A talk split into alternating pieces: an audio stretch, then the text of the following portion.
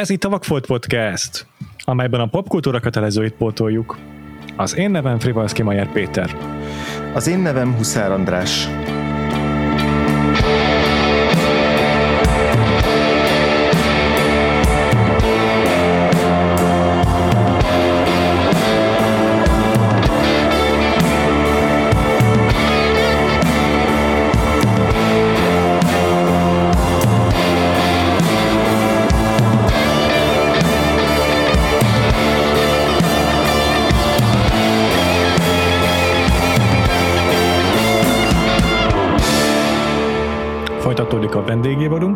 Múlt héten egy kis kitérőt tartottunk ugyan, de nem szakítjuk meg a menetrendet, és újabb vendéget vártunk a Vakfolt podcastba.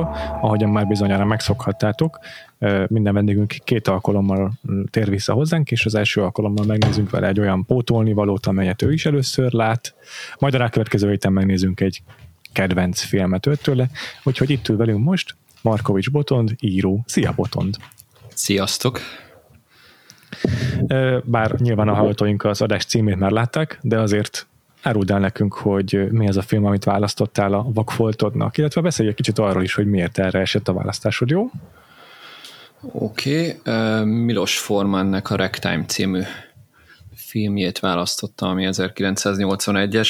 Hát amikor így, így beszélgettünk, ugye én jeleztem, hogy vakfolt, de egy kicsit trükkösen, mert hogy én ezt a filmet láttam már elvileg, valamikor, hát nem is tudom, szerintem olyan, nem, nem tudtam pontosan már visszaidézni, de 8-10 évesen, én, én ugye ilyen vidéki gyerek vagyok, és időnként így fellátogattam Pestre, és a nagyapámmal párszor elmentünk ö, ö, moziba, és hát ilyen nem volt azért ő ilyen nagy filmgurú, úgyhogy random beültünk filmekre, és ez, ez kb. így az egyik ilyen film volt, és mm, mondjuk úgy, hogy valószínűleg annyira traumatikus élmény volt, hogy, hogy így törölte is az agyam, konkrétan egyetlen egy jelenet maradt meg bennem, a, amikor Cole House Walkernek a, a T-mobiljárnak az ülésére csináltak a tűzoltók, tehát ez az egyetlen emlékem a filmből, és semmi másra nem emlékszem belőle.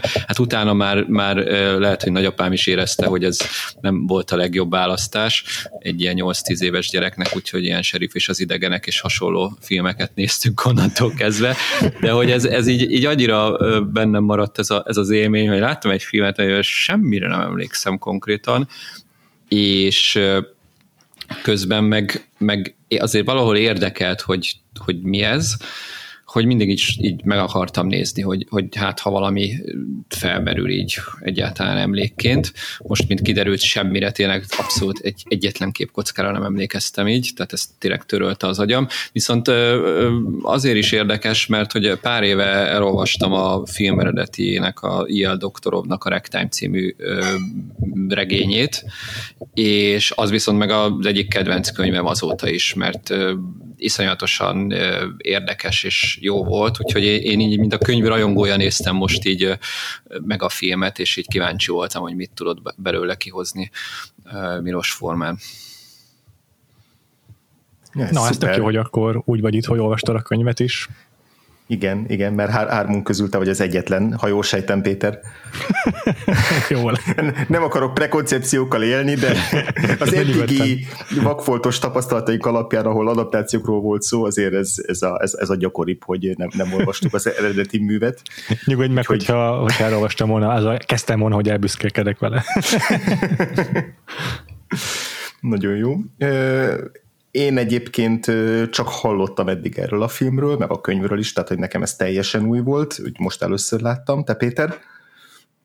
Hasonlóképpen. Igazából nem, sok, nem sokat tudtam róla így a, uh-huh. a filmek tekintés előtt, és nem is akartam most már tényleg előzetesen nem tudom, utána olvasgatni, meg, meg nyomozgatni. Nekem az pont elég volt, hogy Milos Forman rendezte, mert gyakorlatilag amit eddig láttam Milos Formantól, azt mindent tényleg rajongásig szeretem, szóval uh-huh.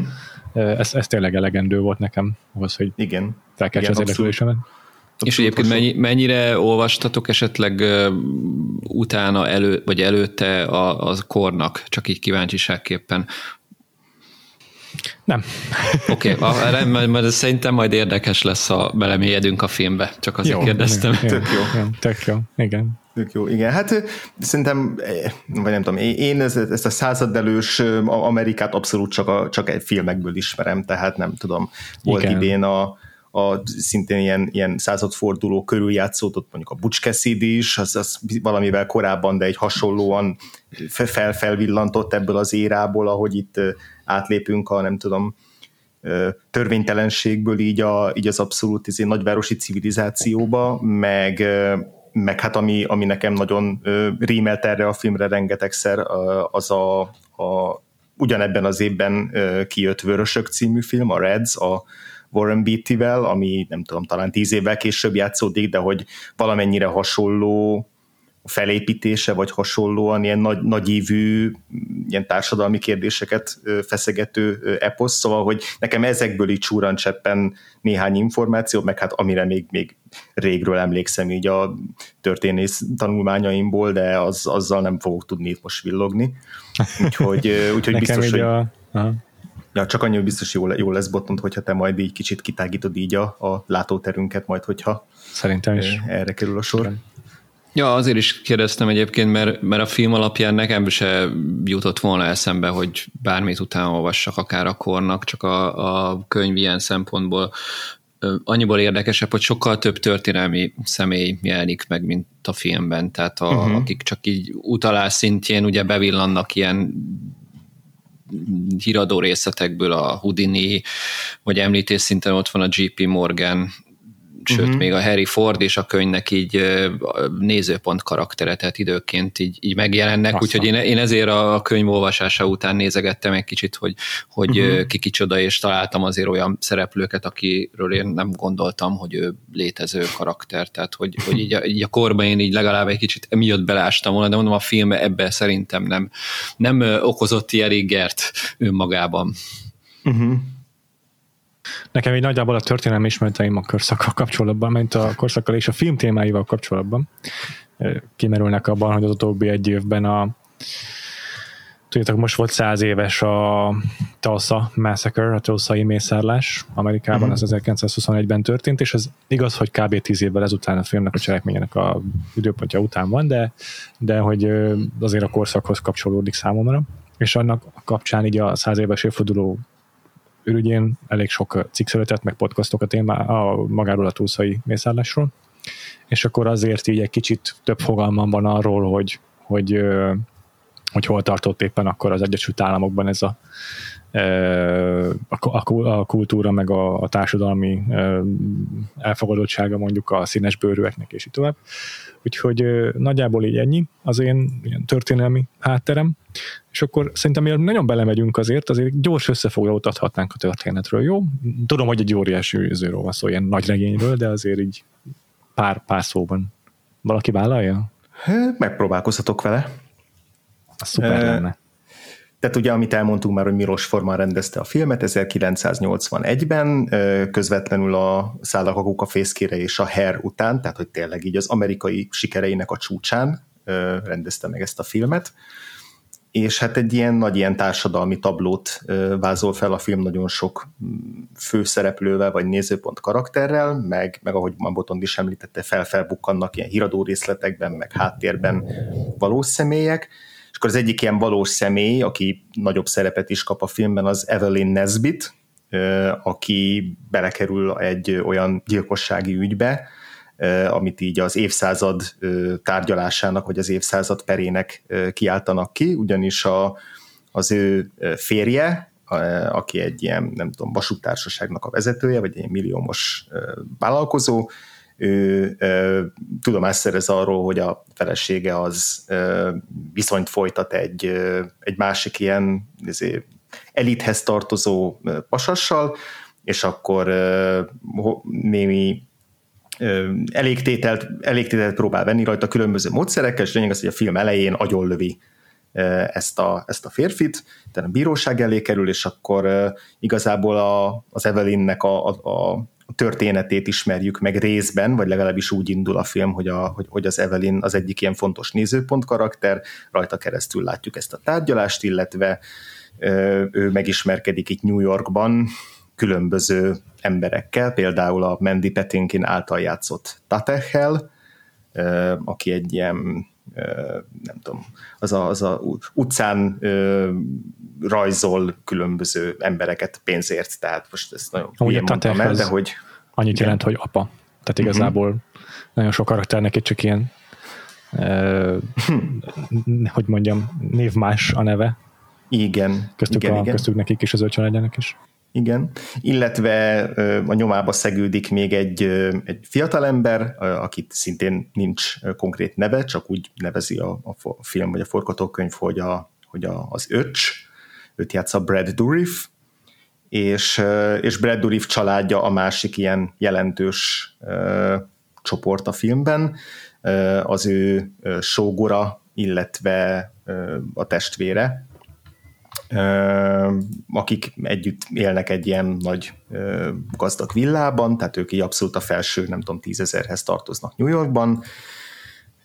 Őket ismerjük, meg ők is mind ilyen gyáriparosok, vállalkozók, és, és hozzájuk teljesen véletlenül, konkrétan a kertjükben találnak egy, egy színesbőrű kisbabát, akit valaki ott hagyott.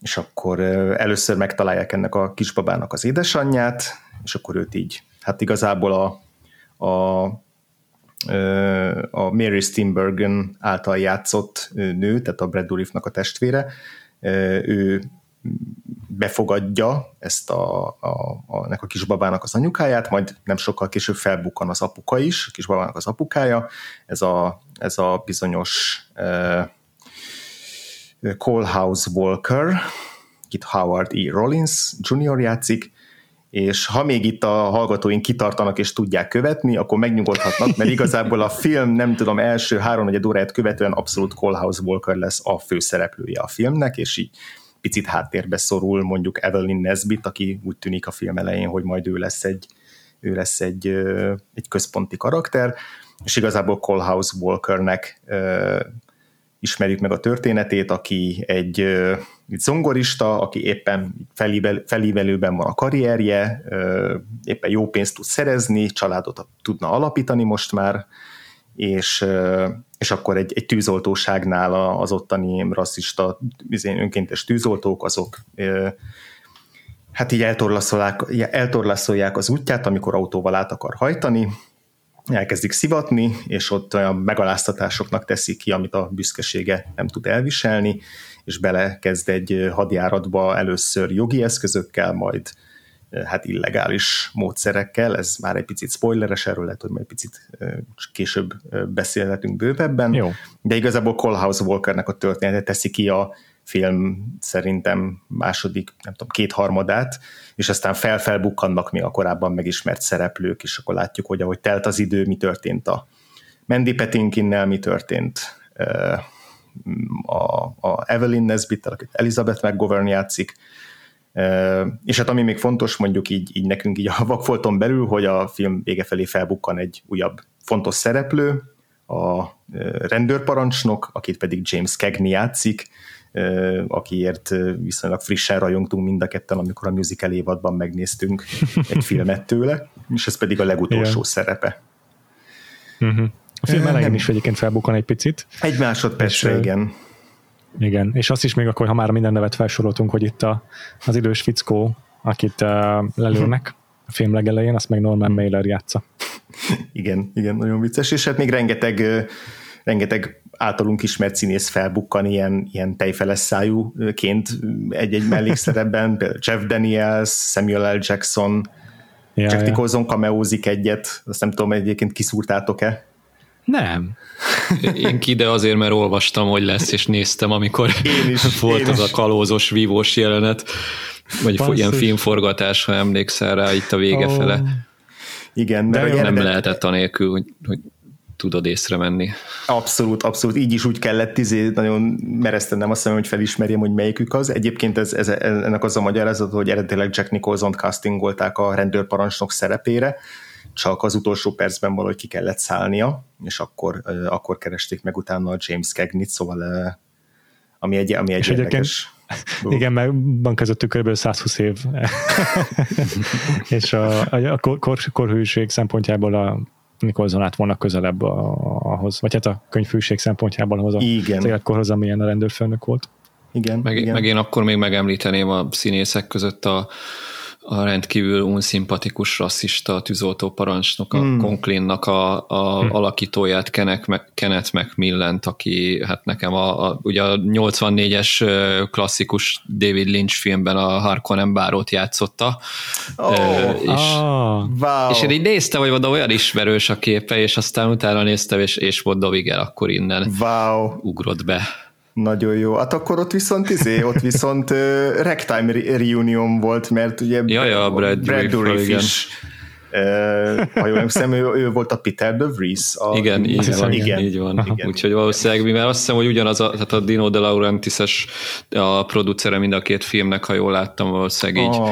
így kerülhettek így ah. össze. Hát szegény Brad Dourifot én már akárhányszor látom, mindig a, a eszembe jut a dűnés elvetemült szemöldöke, amit ugye ott a mentátoknak produkáltak, úgy itt, itt se tudtam egy kicsit attól elvonatkoztatni. Na, úgyhogy így nem tudom, az elbeszélésemből is így látszik, hogy azért eléggé szövevényes ez a film, és én, én például úgy, hogy, hogy én a Péterhez hasonlóan semmit nem olvastam előre, így azért az első fél óra az, az, az eléggé ez az ilyen kapaszkodós filmnézés volt, hogy akkor most megpróbálom belőni, hogy kit kell figyelni, kik a szereplők, ki, ki, ki kinek a kicsodája, és, és akkor ebben általában akkor nekem mindig az segít, hogyha van egy ismerős színész, akkor így, akkor így rákapaszkodok, mint a nem tudom, a mentőkötélre, hogy akkor, akkor rajta keresztül tudom követni a, a cselekményt. Nem tudom, hogy nektek mennyire volt így nehéz, hát Boton neked biztos egyszerűbb volt a, a könyv ismeretében, de hogy...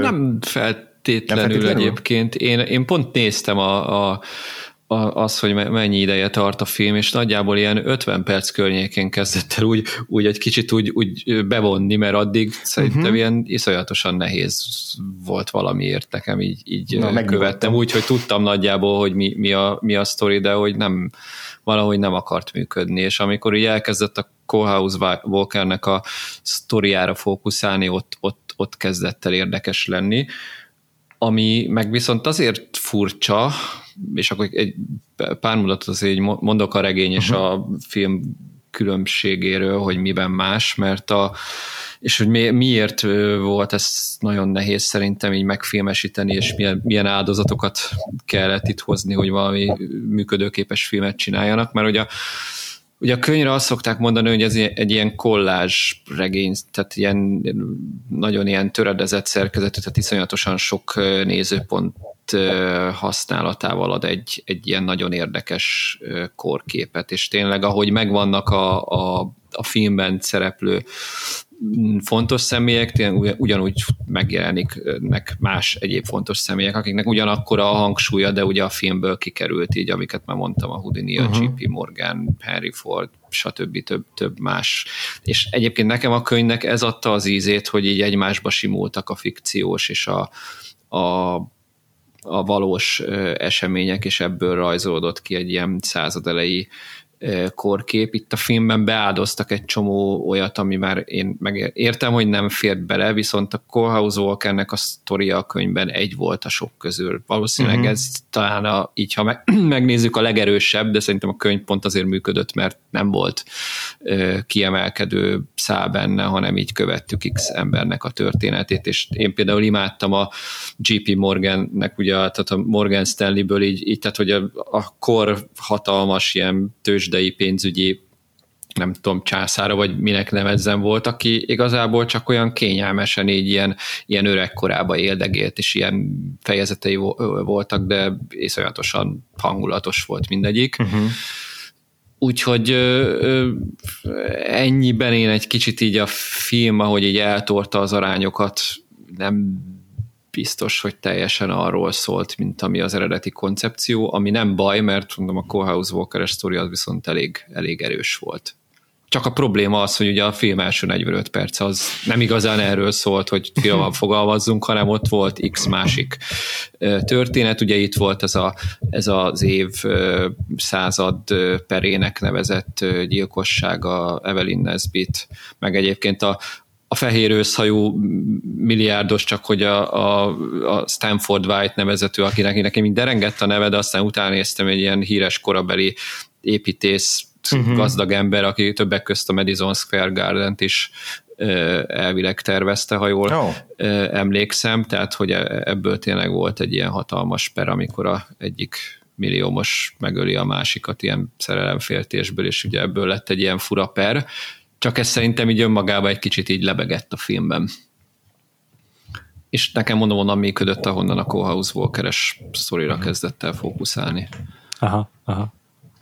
Igen, és hasonlóképpen éreztem, akkor örülök, hogy megerősíted ezt, hogy a regény is ilyen ennél szerte ágazabb sztori volt, és így, hát nem tudom pontosan milyen döntés okán, de az a formalnak is a saját ízlése révén vált a központi szereplővé a Colehouse Walker.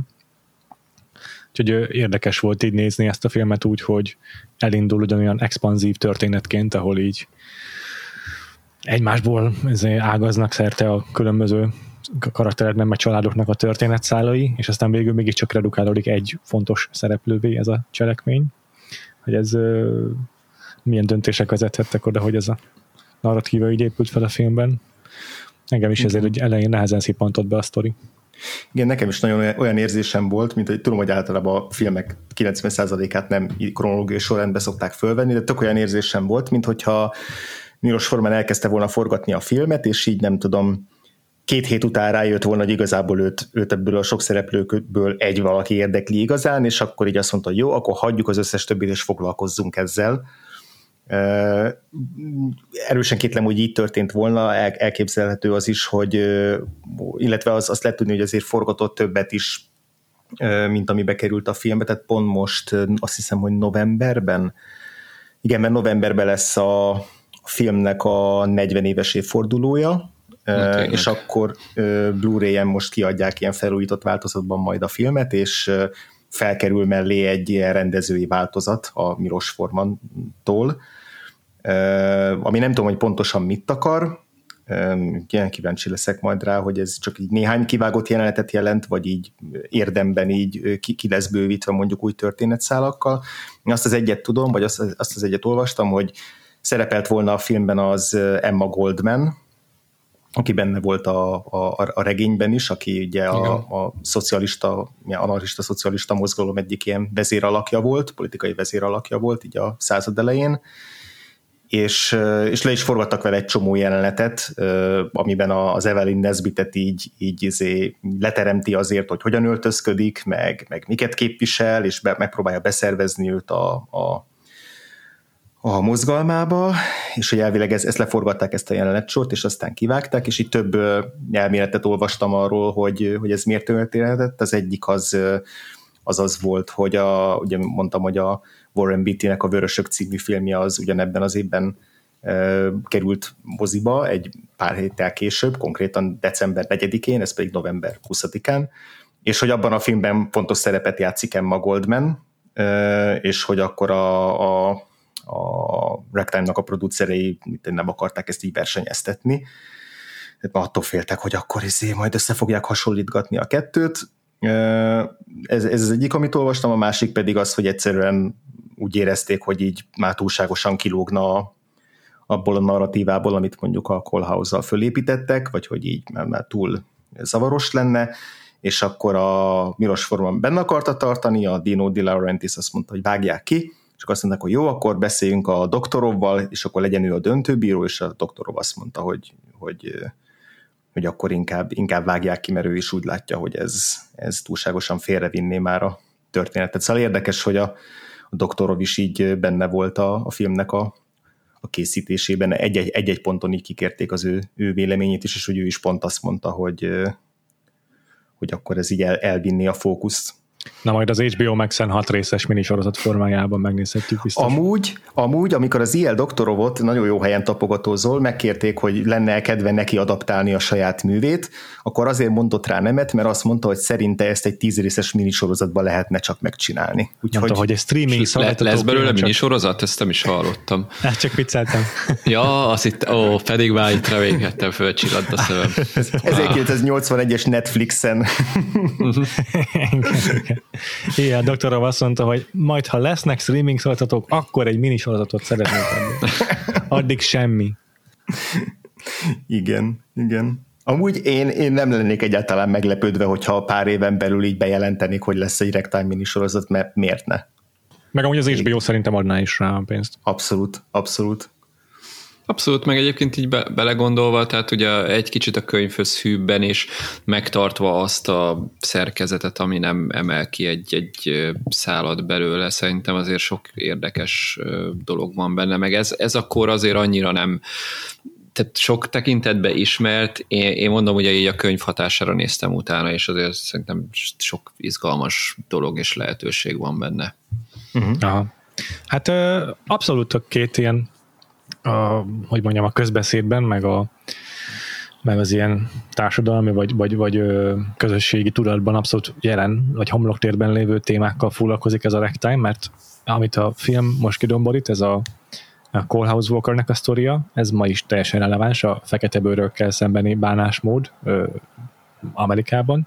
A másik meg, ami viszont a filmben ezek szerint akkor egy kicsit mm, kevésbé kerül az előtérbe, de a könyvben annál inkább, az meg a, az ilyen iparmágnásoknak, a milliárdosoknak tudjátok a, a, a, a privilégiumai. Úgyhogy ezek szerintem totál olyan témák, amelyekkel bőven lehetne mit kezdeni 2021-ben is, egy minisorozatban mondjuk. És azért is releváns ez a film ma is. Abszolút. És egyébként nektek hogy tetszett, így összességében? Aha.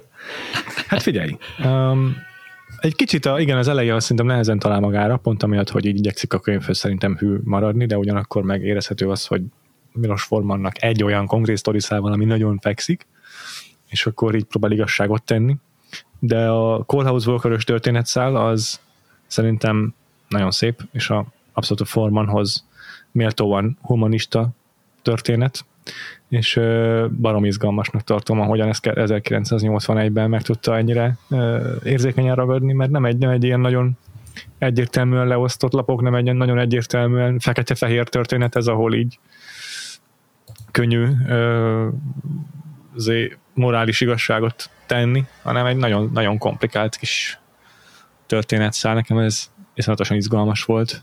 Ja, hát gyakorlatilag szóró-szóra ugyanezt tudnám elmondani. A, a film első ilyen 35-40 percében egy kicsit aggódtam, hogy ez majd egy olyan film lesz, amit így, így értékelek, mint ember, de hogy egyébként nem nagyon tudok hozzá úgy érzelmileg kapcsolódni, főleg mert a, amikor úgy tűnt, hogy az Evelyn lesz a, a, a központi szereplő, akkor ő, ő, ő, ő kifejezetten nem, nem, nem éreztem úgy, hogy igazán érdekelne az ő, az ő sorsa meg az, meg az ő alakítása, majd Elizabeth mcgovern az alakítása, hogy nem, nem nyert meg így a, a film elején, és akkor ugye egy tapogatóztam, hogy na, majd akkor talán Mandy Patinkin lesz, az, az azért már, már ígéretesebb, vagy a Brad Dourif, őt, őt nagyon bírom, hogy szívesen nézném még, de ő is olyan fura a film elején, és aztán igen, abszolút a, a, onnantól kezdve, hogy, hogy, hogy rákerül a fókusz a, a, a Callhouse-ra, onnantól kezdve viszont abszolút vitt magával, és, és pontosan ugyanez, hogy szerintem még még most, ma is nagyon sok ezzel a témával foglalkozó film beleesik olyan csapdákba, amiket a Ragtime elkerült.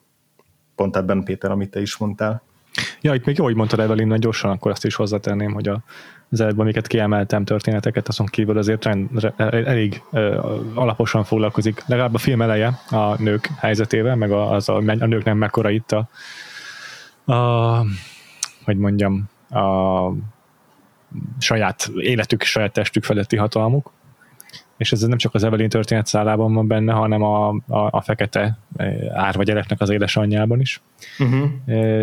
Ezeket valóban egy elfelejti kb. az első harmad után a film, de, de mondom, ez is egy olyan téma, amit totál releváns lenne ma is, és mondjuk tényleg egy minisorozatban biztosan fókuszt kaphatna. És neked akkor hogy tetszett Botond így a, a már nagyjából uh-huh. szerintem azért, azért elmondtad, de, de, de én is kíváncsi vagyok rá, hogy könyv, könyv a igen. igen, igen. Hát ugye vegyes volt azért a, a, az élmény eléggé. Hát azért azt én megvallom, hogy én a, tehát nekem nagyon nagy a kontraszt mondjuk egy mai film meg a 80-as évekbeli filmek között, tehát nekem azért a legtöbb 80-as évekbeli film azért kifejezetten fájdalmas tud lenni, főleg a nem tudom, színészi alakítások, néha a rendezés, dialógusok kapcsán, tehát és itt is azért volt néhány olyan hát olyan dialógus meg alakítás, ami nem, tudom, ilyen túl teátrális, színházias volt mm. szerintem, majd, hogy nem mindenki a Colehouse Walker-t alakító Howard D. Rollinson túl egy kicsit ilyen túljátszott, nem tudom, tényleg ilyen színházi ö, alakítást nyújtott, úgyhogy e, e, ehhez képest, hogy, hogy tényleg ettől engem egy kicsit így néha már így nagyon kiráz a hideg, így, így azért egészen elviselhető volt. De hogy érezhető volt, hogy nagyon, nagyon 80-as évek eleje. És nem, nem rossz, hogy is fogalmazom, nem nem negatív értelemben mondom, egy kicsit talán lehet, hogy igen, de, de jobban szeretem, tehát ezt a filmet szerintem meg lehetne mai szemben egy sokkal realisztikusabb, kevésbé ö, szimpadias módon is ö, csinálni, ami lehet, hogy hm. még erősebb tudna lenni. Viszont azt, azt kiemelném, hogy a, a tényleg a Colehouse Walkernek a sztoria, meg a, az őt alakító uh, Howard D. Rollins azt szerintem iszonyatosan erős volt, és én pont utána néztem, hogy, hogy a, ugye pont a Evelyn Nesbitet alakító színésznő, most nem jut eszembe a neve, András, te vagy a lexikon, hogy, mi, hogy is én, én, én hívják. A Vagfolt Podcast házi IMDb-je, igen, ez az Elizabeth McGovern. Igen, és a Howard D. Rollins mind a ketten Oscar díjra is voltak jelölve legjobb férfi és női mellékszereplőként.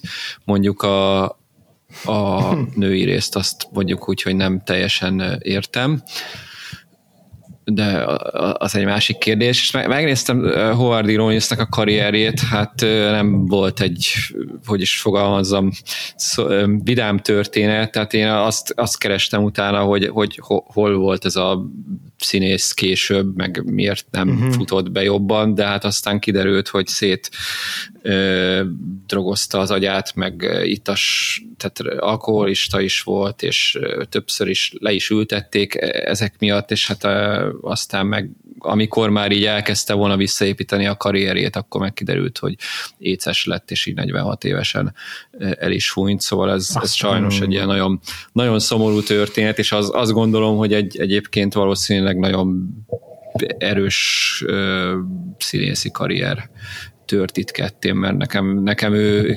kifejezetten kiemelkedett a, a filmből a, a, az, Igen. amit így végigvitt a, uh-huh. karakterrel. Igen. Igen. Fú, nagyon érdekes, érdekes, amit mondasz arról, hogy ez a film ez mennyire 80-as évek, meg a színészek mennyire máshogy játszanak, erről beszéltünk még.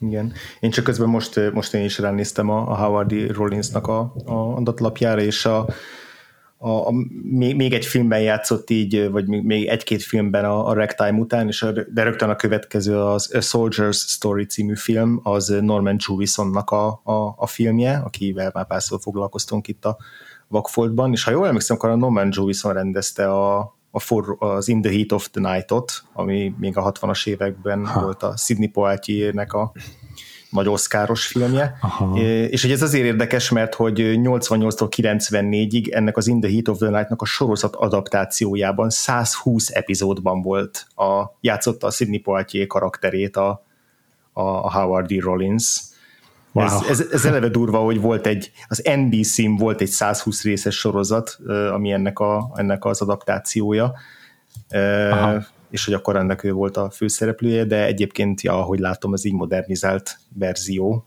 Tehát, hogy na mindegy, ez csak egy, ez csak egy érdekesség, hogy hogy, hogy azért Yeah. Még a 80-as években is azért eléggé ritka volt, hogy egy, hogy egy fekete bőrű színész egy ilyen főszerepet kapjon, és hát hiába a legjobb mellékszereplő kategóriába jelölték a, a, az Oscaron, azért ez főleg, hogyha a film első nem tudom, 40 percétől eltekintünk, akkor egy abszolút főszerep.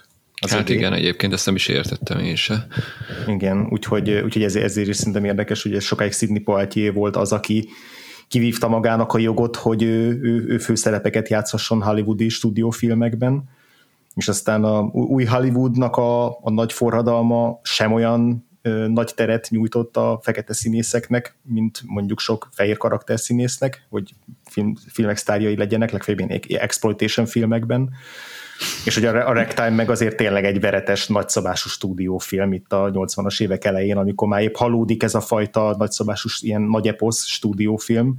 Ez az uh-huh. utolsó példányok egyike, ott a ez a híres, híre, hogy híreten a Heaven's Gate volt az, amilyen óriási nagyot bukott, amilyen hasonló ilyen több órás eposz, és hogy utána még egy-kettőt még bevállaltak a stúdiók, de gyakorlatilag itt a 80-as évek elején már így elengedték ezt a kosztümös eposz műfaját, és, és szerintem tök, tök izgalmas, hogy a, a Milos Forman ő azt mondta, hogy akkor ennek legyen egy fekete főszereplője, és őt fogja kiemelni a könyvből, az ő sztoria érdekli a legjobban, uh-huh. majd, majd erről is beszélhetünk, de igen, akkor még nem kanyarodjunk vissza egy picit a, a színészi játékhoz, amit a Boton említett, mert nem akarom, hogy az elsikadjon. Jó, csak egy gondolat, gondolat erejéig, hogy érdekesen találtam én is, hogy Elizabeth mcgovern jelölték az Oscarra. Az azt is említsük meg, hogy ővel is találkoztunk már a Vakfoldban, mert benne volt a, azt hiszem egy évvel korábbi Ordinary People, benne az átlagemberekben, a mm, tényleg. Robert Redford féle filmben. Hát ilyen kis, kis uh, tínédzsert játszott, ha jól emlékszem, ott a ha jól emlékszem, legalábbis a kortársa volt a uh, annak a filmnek a főszereplőjének a uh-huh kisrácnak, akit a... Timothy Hutton? Timothy Hutton játszott, ha jól emlékszem. Köszi. És uh, amúgy meg őt szerintem egy nagy többség a, a, a Downton Abbey-ből ismeri, ahol egy prominens szerepet játszik. Ah, tényleg. Uh, és a, tényleg, tényleg nagyon más típusú színészi játékot alkalmaznak itt sokan ebben a filmben. Szerintem abszolút a, a Howard E. Rollins az, akinek így a legtermészetesebb, meg a legmodernebb szerintem a, a, az alakítása. És az Elizabeth McGovern meg szerintem így kosztümös film, akkor egy kosztümös filmes alakítást fogok nyújtani, és ezt egy oda lehet tenni az ilyen ö, nem is tudom, a, tudjátok, az ilyen Room with a View, meg az ilyen ja, klasszikus igen. kosztümös filmek mellé. Igen, napok romjai, uh, meg napok tudom, romjai, igen, igen. Kik, kik ezek, kik ezek értelem és érzelem, ja, abszolút, igen. Igen, az Ivory Merchant filmekhez lehet szerintem simán hasonlítani. Tényleg. Yeah. És én nála például nem is tudtam eldönteni sokáig, hogy most a karakter ennyire modoros, vagy a, vagy a színész ennyire modoros, mert hogy mm-hmm. szerintem egyébként a karakter is modoros, ahogy a film közben kiderül, hogy, hogy azért ő, ő sem egy, egy nagyon, mm, vagy nem tudom, hogy, hogy ti hogy értékelték az, értékeltétek az ő karakterét, nekem ő egy ilyen eléggé felszínes vagy sekélyes figurának maradt meg, mármint, igen, hogy maga igen, a karakter egy is... elég sekélyes valaki.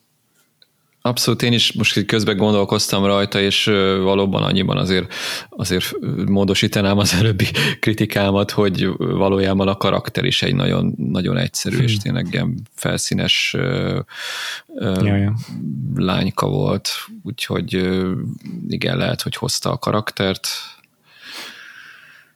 Lehet, hogy benne volt ebben az Oscar dologban, hogy Hát azért a kosztümös filmnek van egy presztízsük, azt az Oscar akkor is szereti, hogyha ma éppen nincs divatban ez a műfaj, illetve azért kiút egy nagyobb monológ Elizabeth McGovernnek, amikor így kifakad, akkor ö, arról van szó, hogy, hogy, ö, hogy mit kéne tanúskodni a férje mellett, vagy hogy megvan hibban van a férje, és akkor ö, ezzel így megúszhatja a kivégzést.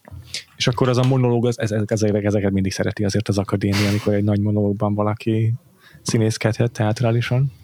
Úgyhogy hát nem azt mondom, megmondom őszintén, erre nem is emlékszem. Így hirtelen pedig tegnap előtt néztem a filmet. Úgyhogy rám nem nagyon volt hatással, de hát nem én voltam az akadémia bizottságában. De igen, mintha ebben is így, így folyamatosan így alakulna a film, vagy mind, ebbe, ebbe is érzek egyet, hogy a film elején még, még tényleg mindenki ilyen nagyon teatrálisan játszik, meg ilyen, nekem az egész, egész film ilyen nagyon ilyen, ilyen kis, nem is modoros, de ilyen kicsit mesterkélt, olyan kimódolt, szép patinás, aha, aha. kiállítás, meg a, a történetvezetés is olyan nagyon kis, kis decens, és aztán ahogy, ahogy belemegyünk így a, így a, így a tüskésebb, meg komplexebb ilyen morális témákba, meg, meg ellentétekbe, mint hogyha úgy változna így a, a, az alakításoknak, egy, némelyik alakításnak a, a jellege is. Nekem a leg, legnagyobb meglepetés a filmben az a James Olson volt, aki, a, aki a, az apát játszotta a filmben, tehát ő az a, a Mary Steenburgennek a, a, a férje, a családfő hmm. abban a gazdag családban, ahol, amihez a Brad Dourif is tartozik, és ahova befogadják ezt a fekete családot egy rövid időre.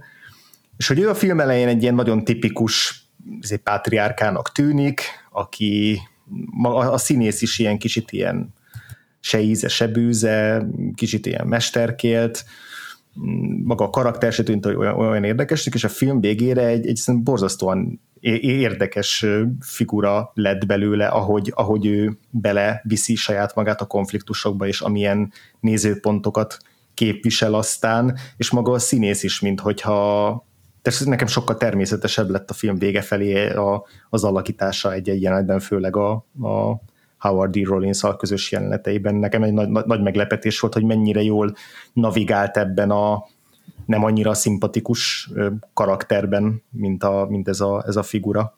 Abszolút, én is, én is ezt éreztem, hogy tényleg ez az egész filmre egyre inkább életre kelt, ahogy haladtunk előre, de nekem meg pont párhuzamba Brad Dourifnak a karaktere, az öcs jut eszembe, aki hát nem tudom, hogy figyeltétek-e az elején, ott az Evelyn Nesbit környékén így folyamatosan megjelent, mint valami stalker, és ugye nem lehetett uh-huh. tudni, hogy ő kicsoda, meg, vagy, hát, illetve lehet, hogy a vacsora jelenetben fölvillan, de szerintem senki nem rakta össze, hogy ő pontosan kicsoda, uh-huh. csak azt lehetett látni, hogy van ott egy fura figura, aki uh-huh. ö, követi, megy állandóan utána, és, és a, tehát az egy nagyon creepy karakternek tűnt azért így, Igen. meg később is az volt.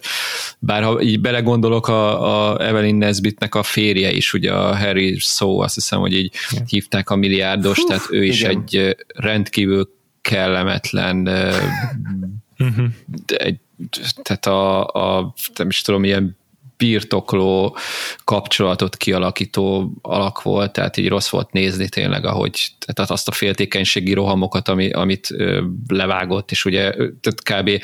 úgy lövi le az egykori szeretőjét az Evelyn Nesbittek, hogy éppen egy helyen vacsoráznak, és akkor fogja a pisztolyt, azt oda megy hozzá, és akkor így fejbe lövi. De egyébként, bocsánat, itt annyi, jutott még eszembe, csak hogy a, a valós sztorit így, hogy képbe rakjuk itt a, a Stanford white ugye, aki, aki, akit lelő, mint, mint híres embert, az Evelyn Nesbitnek a korábbi szeretőjét, hogy ott azért voltak ilyen történetek, hogy ilyen 16 éves korába rontotta meg az Evelyn uh-huh. Nesbitet és más uh-huh, lányokat uh-huh. is a Stanford White, tehát hogy ő, neki volt egy ilyen hát idézőjelesen nem tudom, minek nevezzem, tehát, egy, tehát nem volt egy ö, ö, kedves figura, ö, és hát valahol nem azt mondom, hogy érthető, amit tett a, Harry szó, de, de hogy azért itt, itt azért ez egy elég, elég csúnya ügy volt. De mondom, maga, maga a karakter az, tehát az első pillanattól kezdve tényleg ez a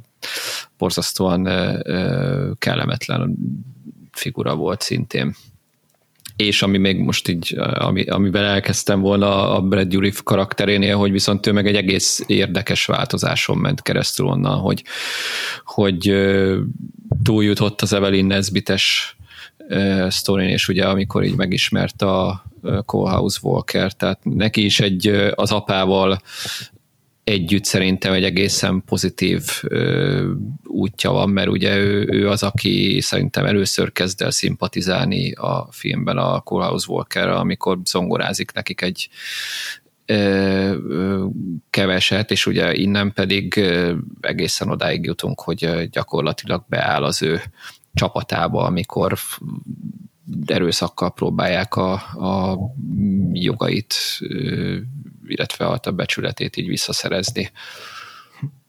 Nektek működött az ő karakteréve? Vagy már ez, ez a döntés? Hát nem, mondjuk így belegondolva nem, nem biztos, hogy nekem, teljesen ebbe igazad van. E, e, nekem olyan fura, nagyon-nagyon szeretem, a, amit a Brad Dourif csinál ebbe a filmben, és mármint az alakítását, meg, meg tetszik maga a karakter is, de hogy, hogy igazán belegondolva azért Igen. eléggé merész nagy ugrás az, hogy az elején még csak abba próbál segíteni, vagy van egy jelenet, ahol így elneveti magát az egyik ilyen felső tízezret kigunyoló poénján izé, a, a Callhouse-nak, ott a zongorás Aha. jelenetnél, ott van egy ilyen kis connection, meg lehet tudni a Brad Dourif karakteréről, hogy annyira nem nem szívleli ezt a családot, bár közben próbál nekik így bizonyítani, meg így, meg így próbál ugye a, a sógorának a, a cégében vagy gyárában így előrelépni, tehát még ezt se annyira mutatják meg, és akkor egyszer csak meg már ott találjuk magunkat, hogy, hogy tényleg beáll a, beáll a csapatba. Szóval így nem feltétlenül láttam benne a, a, a tényleges motivációt, hogy, hogy mi vinné rá. Itt, itt, itt egy, nem tudom, lehet, hogy egy vagy két jelenet, mint hogyha hiányozna még, ami megerősíti azt, hogy ő, ő miért lesz annyira rebellis, hogy, hogy képes ebbe a bandába beállni, mert ennek nagyon-nagyon sokféle oka lehet. Hát basszus, ezen én se gondolkodtam el itt, de most, hogy mondod, ez tényleg egy picit nagy, nagy, nagy olyan bakugrás az ő fejlődésében. De amúgy meg tetszett a... a nekem is az, nagyon, igen, nekem is nagyon tetszett, az, hogy ezért így elnézem azt, hogy nincs annyira szerintem megalapozva, de, yeah. de elhiszem. Yeah. Az Igen, vicces, ő, ezért... tipikusan ilyen lázadó figura volt az ja. elejétől, hmm. csak valóban az, amit csinált az elején, aztán volt egy ilyen jelenet, ami ilyen hm, köztes, és utána már, tehát így tényleg már ott van a, a, a másik oldalon, ami azért így valóban lehet, hogy lehet, hogy itt lett volna még egy-két jelenet, amit kivágtak aztán, de, de valóban nem következetes a karaktere ahhoz képest, hogy mekkora ö, évet próbál, tehát hogy honnan, hova jut. Ja, szerintem akkor még beszéltünk egy picit arról, vagy át, áttérhetünk arra, hogy így a Milos Formannak vajon miért, miért, miért Callhouse tetszett meg ennyire. Nekem van egy elméletem, de kíváncsi vagyok, hogy, hogy ti mit gondoltok róla. Vagy nem tudom, hogy mondjam el az elméletemet. Mondd el. Mondd. E, igazából nagyon nem gondoltam nagyon mélyen végig, csak így a, az eddigi, főleg az ezt megelőző Milos Forman filmek alapján azt azért már szerintem így a Valmontos adásunkban is a Péterrel így megállapítottuk, hogy a Miros Forman nagyon szereti az ilyen kívülállókat, meg nagyon szereti azokat a, azokat a rebelliseket, akik lázadnak így a, a rendszer ellen, és, és igazából a, a, ebből a szereplő gárdából abszolút a, a Callhouse Walker az, aki ezt a leginkább megtestesíti, és mellette meg akkor itt van a, a Brad Dourif karakter, aki szintén, ahogy most a Boton mondta, egy ilyen rebellis figura, és akkor ezért ő is, ő is így, nem tudom, tálcán kínálja azt, hogy, hogy, hogy így a, a, a rendszerből kilógó, abban a helyét kereső, majd a, a helyét a rendszeren kívül megtaláló figura váljon belőle. Szóval igazából ennyi, ennyi ez a rendkívül mély elméletem, hogy a Miros Forman nagyon szereti a, ezeket a ezeket a kívülálló figurákat megragadni, és hogy nekem így az ő karrierjét tekintve teljesen logikus az, hogy a Callhouse Walker mellett szövekelt le, és nem valamelyik iparmágnást emelte ki, mint fókuszt a filmjében. Ja, hát logikus. Ilyen szempontból ez igaz. A Hair is a, ezekről szól, a hippikről, véletlenül, tehát a underdog karakterekről, a rendszerellenes figurákról. Akkor a, a legfontosabb konfliktus a, a Szállakakuk fészkere című filmnek is ez igazából, az autoritás meg a, meg a lázadók. Uh, úgyhogy igen, ez mindig így van. És ja, egyébként tegyük hozzá, hogy a Brad Dourif a Szállakakukért ugye Oscar díj ja, mm. jelölték, nem tudom, aztán nem kapott. Uh, és, és uh, itt meg visszatér Formanhoz Úgyhogy az, az biztos, hogy akkor hogy nagyon megszerethette Forman. Hát meg azért ugye a könyve ellentétben itt szerintem muszáj volt választani egy, egy főszálat, és, és arra ez volt a legalkalmasabb, pláne, hogy Hát egyenlőre még ott tartunk, hogy minden korban ez egy fontos és örök téma, és, és azért itt nagyon érdekes az, ahogy ez így megtörtént, ugye, hogy gyakorlatilag a, a fehér tűzoltók drászának a, a feketebőrű Kohlhaus Walkerra, aki viszont tényleg megalkuvást nem tűrően száll csatába azért, hogy, hogy tehát őt, őt elismerjék, és gyakorlatilag egy, egy valamit akar, tehát ez egy, szerintem egy nagyon lényeges vonása a történetnek, mert egy apró nüansznak tűnik, ugye őt egy, hát elkezdik szivatni a, a, azzal, hogy nem engedik tovább a, a T-modell uh-huh. kocsiját, és hív egy rendőrt, és közben arrébb húzzák a kocsiját, és oda csinálnak az ülésére a, a tűzoltók, és utána ott röhögnek, és hát ugye a rendőr is odáig jut, hogy akkor tehát ő meg annyit akar ugye, hogy ezt a, a kakát azt pucolják el onnan. Tehát e- ennyi, amit ő akar, hogy, hogy tisztítsák meg a, az autóját. Semmi mást, és aztán a rendőr is azt mondja, hogy nem történt semmi, mert nyilván ő se akar kellemetlenséget, meg, meg hát ismerjük a korszellemet, meg, meg sok mindent, és ami odáig fajul, hogy letartóztatják, és innen fajul az az egész el, hogy megkeres fekete bőrű ügyvédeket, tehát hogy először ugye jogi úton próbál ennek igazságot szerezni, és utána meg tényleg ilyen, ilyen tehát mondjuk így terror akcióig ö, fajul az egész tűzoltóállomás, fölrobbantja a tűzoltóállomást, majd utána pedig a, pont a JP Morgannek az egyik ilyen, nem is tudom, ilyen műemlék ö, keket tároló intézményébe veti be magát, és, és onnan próbál. Szintén ennek az egy, tehát azt szeretné, hogy egyrészt a kocsiját azt tisztítsák meg, másrészt azt az egy tűzoltót, aki, akit ezért felelőssé tesz, ő akar felette ítélkezni, tehát ennyit akar. És szerintem ez egy, és, és, és ami még érdekes, hogy ugye van egy jelenet, ami szerintem megint nagyon erős a, a Booker T. Washington nevezetű, az uh-huh. akkori kornak a, a nagyon híres aktivistájával, aki szintén fekete bőrű és a feketék jogaiért küzd, egy nagyon, nagyon éles és szerintem nagyon erős beszélgetés, ami, amivel itt pont gyakorlatilag a becsületről, meg a, meg a kuvásról van szó, ahol ugye és nagyon nehéz igazságot tenni, vagy egyik vagy másik irányba dőlni, hogy kinek van igaza, mert ugye nyilván a Booker T. Washington azt a oldalt képviseli, ahol megalkuvásokkal teli módon próbálja egyre jobbá tenni a, a afroamerikai közösségnek az életét, és látja, hogy ebből mekkora probléma lehet, amit a, a Kohlhaus Walker gyakorlatilag a saját becsületért megalkuvásmentesen próbál elérni, és ez, ez szerintem ez a két álláspont ütközése, ez egy, ez egy nagyon-nagyon erős jelenet volt, nem tudom, ezt, erre ti emlékeztetek-e, vagy hogy jött le nektek? Igen, ugyanígy, ugyanígy, nagyon-nagyon jól mondott szerintem. Abszolút, igen. Nekem, nekem Emlékeztetett is egyébként a, a igen. igen, mondja nyugodtan. Mert mondjad, mire emlékeztetett, kíváncsi vagyok.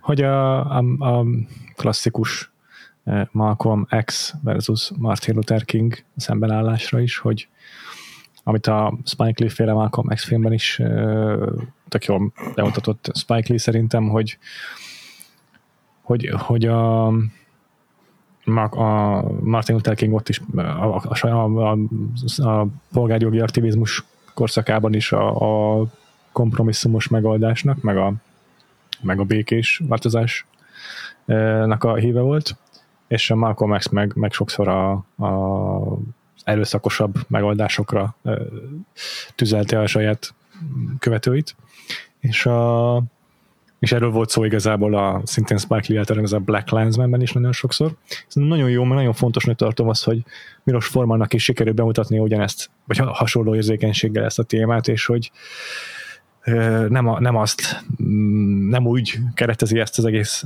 narratívát a Forman, hogy azt mondja, hogy amit a Courthouse Walker képvisel, az az elítélendő álláspont, amely erőszakba torkolik, és, az, és hogy a, a, a, az ő által, ő, ő, ő ellen elkövetett atrocitás, az csak további atrocitásokat szüléshez feltétlenül elítélendő, hanem arról van itt szó, hogy azt kell megértenünk nézőként, azzal kell tudnunk empatizálni, meg azzal kell tudnunk azonosulni, hogy, hogy itt ilyen generációs elnyomás és, és, és, és másodrendű állampolgárként való kezelésnek a, a frusztrációja gyűlemlik fel a Colehouse Walkerben, és ő reprezentálja ezt az egészet, és hogy a belőle kitörő ö, erőszakosság az, az, az ennek, a, ennek a felgyűlemlet rengeteg ö, frusztrációnak a, a kirobbanása. És hogy ez szerintem egy rohadt nehéz ilyen morális ö, kötéltánc, amit, amit táncolni, amint táncolnia kell Milos Formannak itt. Igen, nekem is abszolút ez a szerintem ez a kedvenc jelenetem az egész filmben, vagy a, a, talán a legerősebb jelenetnek én ezt tartom. És hogy igen, szerintem itt nagyon fontos az, hogy a Milos Forman ennyire egy, egy kívülálló rendező, mert hogy nem amerikai rendező, nem azt a, nem abba a abba a történelmi örökségből vagy hagyományból érkezik, mint mondjuk sok amerikai fehér rendező a, a korban, vagy akár a korábbi évtizedekben, még a progresszívabbak közül is.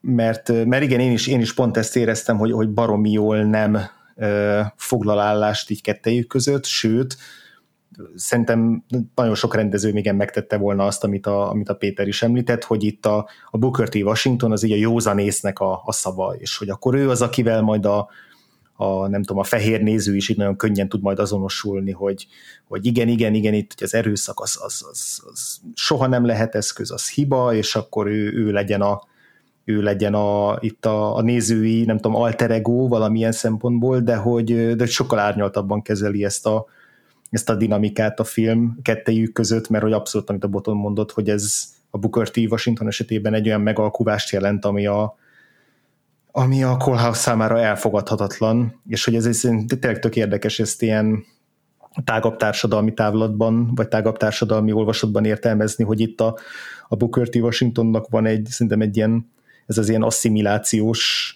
politikája, hogy ő, ő az, aki tényleg így a kompromisszumra törekszik arra, hogy ez ki is mondja, hogy itt neki az a célja, hogy békésen együtt éljenek egymás mellett a feketék és a fehérek, és hogy ez az, amit tényleg egy ember így tönkre tud tenni a fekete közösség számára, és, a, és hogy a, a Kohlhausnak meg ez az ilyen ilyen nagyon ö, keserű reakciója rá, vagy valahogy úgy fogalmaz, hogy ez nagyon szépen hangzik, és milyen angyalian beszélsz, de sajnos mi a földön élünk.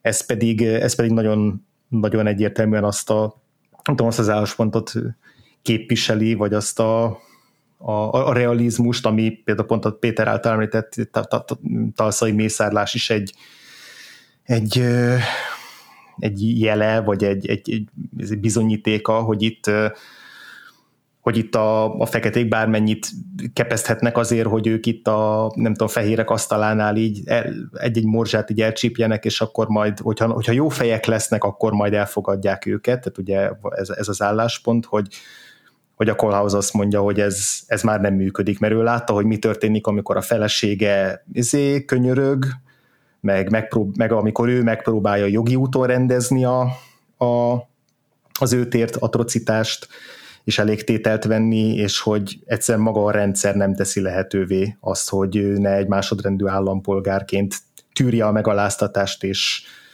és aztán még persze ő, ő, ő legyen a hibás az egészért. Szóval nagyon-nagyon erősnek tartom ezt a, ezt a szembeállítást, itt egy ilyen, egy ilyen asszimilációs nézőpont és egy radikálisabb uh-huh. uh-huh. talán nem is radikálisabb, hanem inkább tényleg ilyen, ilyen racionálisabb nézőpont, amit így most nekünk így a, a későbbi évszázadok azok, azok abszolút visszaigazolnak szerintem. És egyébként maga a Miros Fogman is azt mondta, vagy nyilatkozta, hogy, hogy hát egy, egy nagyon érdekes kérdés, és nem csak a feketék, meg nem csak a, a fai kérdések szempontjából az, hogy akkor mit nevezünk radikálisnak, és mit nevezünk terroristának. Mi a különbség a kettő között, és ki határozza meg azt, hogy melyik melyik és akkor itt van egy olyan idézet tőle, hogy azt mondja, hogy a maga részéről teljes mértékben elítél minden nemű erőszakot, de hogy, de hogy más az, amikor valaki nem tudom, valakit felbérelnek, hogy ilyen terrorakciót kövessenek el, vagy valaki és, és hogy más az, amikor, amikor nem bűnözők, hanem becsületes emberek fordulnak az erőszakra, vagy erőszakhoz azért, mert csorbult a, vagy sérült a büszkeségük, és akkor azt mondja, hogy, nem hívhatok ilyen embereket terroristáknak, mert mert megértem az ő frusztrációjukat, és nagyon mélyen együtt, együtt érzek az ő frusztrációjukkal, ami, ami már túlmegy egy bizonyos határon, mondjuk azon a határon, amit az egy embernek a büszkesége még el tud viselni, vagy le tud nyelni, és hogy ezek a fajta problémák, ezek, ezek nagyon zavarba ejtő, vagy nagyon azt mondja, disturbing dilemmákat tudnak okozni mindannyiunk számára. Tehát, tehát hogy nagyon-nagyon a, a, a Callhouse-zal uh, empatizál Milos Forman, és nagyon az, az ő Aha. dilemmájával empatizál, és ez nem azt jelenti, hogy minden tette alól felmenti, hanem azt, hogy például szerintem ebben a beszélgetésben is, bár nem választ oldalt, de inkább az ő nézőpontját tartja szerintem reálisnak, mint a, a Booker T. Washingtonét. Hmm. Abszolút, és egyébként szerintem én nagyon remélem, hogy más is így gondolja, de nagyon nehéz nem empatizálni Booker T. Washingtonnal, mert szerintem a, a, az a jelenet, ugye az a tűzoltóság előtti jelenet, az egy iszonyatosan kellemetlen és Igen. nyugtalanító borzasztó jelenet, amit ott ö, ö, művelnek, tehát úgy, hogy konkrétan nem, nincsen benne erőszak, de az a, a megalázás, ami, uh-huh. ami ott, uh-huh. ami őt éri, az, az szerintem tehát, tehát azzal nehéz nem, nem azonosulni. Tehát és, és abszolút valahol érthető, hogy ez nála így ö, csapódik le, és ugye megpróbálja először jogi úton ezt ö, valahogy érvényre, érvényt szerezni az ő igazának, és hát utána az, hát ugye meg ez elszabadul, de de nem tudom, egyébként ez a, a tűzoltó karakter az, az egy, a, a, nem is tudom, hogy Conklin, vagy mindegy, hogy, hogy hívják, uh-huh. igazából nem, nem lényeges, de egy tehát félelmetesen ellenszenves rasszista figura. Most eszembe mm. jutott az a jelenet a vége felé, amikor már a, a ugye megy itt a tárgyalás a rendőrség és a, a Kohlhaus Walkerék között, és így telefonon beszélgettek, és oda, oda, oda rángatják a tűzoltót, és akkor ő, ő beszél telefonon, és ugye hát a szeren, szerencsétlen azért már így, így tehát teljesen azért retteg attól, hogy esetleg mégis odaadják neki, mert, mert miért nem, mert azért attól még ő egy kisember, egy jelentéktelen senki, aki ebbe éli ki magát, és amikor meg ugye odaadják a telefon, nem tudom, erre emlékeztek-e, és, és full rasszista, niggerező szöveget tol le, ami meg a másik szerintem nekem a legkellemetlenebb része volt, hogy még ebben a helyzetben, amikor azt se tudja, hogy vele mi lesz, mert ugyanúgy nullának nézik, ahogy ő annak nézte a Colehouse Walkert nemrég, de ott is kitör belőle ez a borzasztó kellemetlen rasszista attitűd. Amúgy azt tudjátok, hogy ez a Colehouse Walker karakter honnan jön? Mármint, hogy a, a Doktorov honnan vette? Nem, de remélem akkor te tudod, ha feltetted ezt a kérdést. Igen, ez egy olyan... Valami rémlik egyébként, én valamit olvastam, hogy, hogy de nem, nem tudom így felidézni, úgyhogy igen, ez egy, ez egy jóval régebbi ilyen vándor történetnek az újabb feldolgozása, és e, ezt, ezt én még egyetemen tanultam, és így utólag így csapkodtam a homlokom, amikor ezt olvastam, hogy ja tényleg, mert van ez a Kolhász Mihály nevű figura, és hogy innen jön a Kolhaus név is, ez a Kolhász Mihály, ez egy valós történet, egy 16. századból, és ennek a leghíresebb feldolgozása az egy Heinrich von Kleist nevű német szerzőnek a kisregénye, 1810-ből, ugyanez a címe, hogy Kolhász Mihály, van magyar fordítása is, Ó, basszus, nem raktam össze én se. És aztán ezt rengetegszer feldolgozták, van magyar feldolgozás, a Hajnóci Péternek a Fűtő című novellája, ami így a Káder rendszerbe helyezi ezt a történetet, akkor film is készült belőle, Mads Mikkelsen játszotta pár évvel ezelőtt ugyanezt a karaktert, ott azt tényleg a Kolhász Mihályt néven, és, és az, az, az szól arról, az a, a, a, tehát az, a, az ugyanaz az alaptörténet, hogy van ez a Kolhász Mihály nevű ilyen lókupec, aki, akit így megvámoltatnak egy, nem tudom, valamilyen uradalomnál, és akkor ott két lovatot kell hagynia ilyen vámként, hogy eljusson egy másik városba, és ezt a másik városba közlik hogy szó sem, szó, tehát hogy nem kellett volna ott hagynia, nincs ilyen törvény, ezt önhatalmulag mondta ezt az a, az a főúr, és amikor visszamegy a lovaiért, akkor, akkor azt találja, hogy már ott a, a lovakat már nem tudom, halára dolgoztatták, meg, meg betegek, meg göthösek, meg már kicsapták őket izé a, nem tudom, a földekre dolgozni, és nem hajlandó kártérítést fizetni ezért ez a főúr, és akkor a Kolhász Mihály ott belekezd egy ilyen hadjáratba, ugyanúgy ott is először jogi úton próbál elégtételt venni, de így nem sikerül, mert összezár az elit, és akkor ő is erőszakos eszközökre betemedik, és egy, egy, azt hiszem még talán egy ilyen kisebb fajta ilyen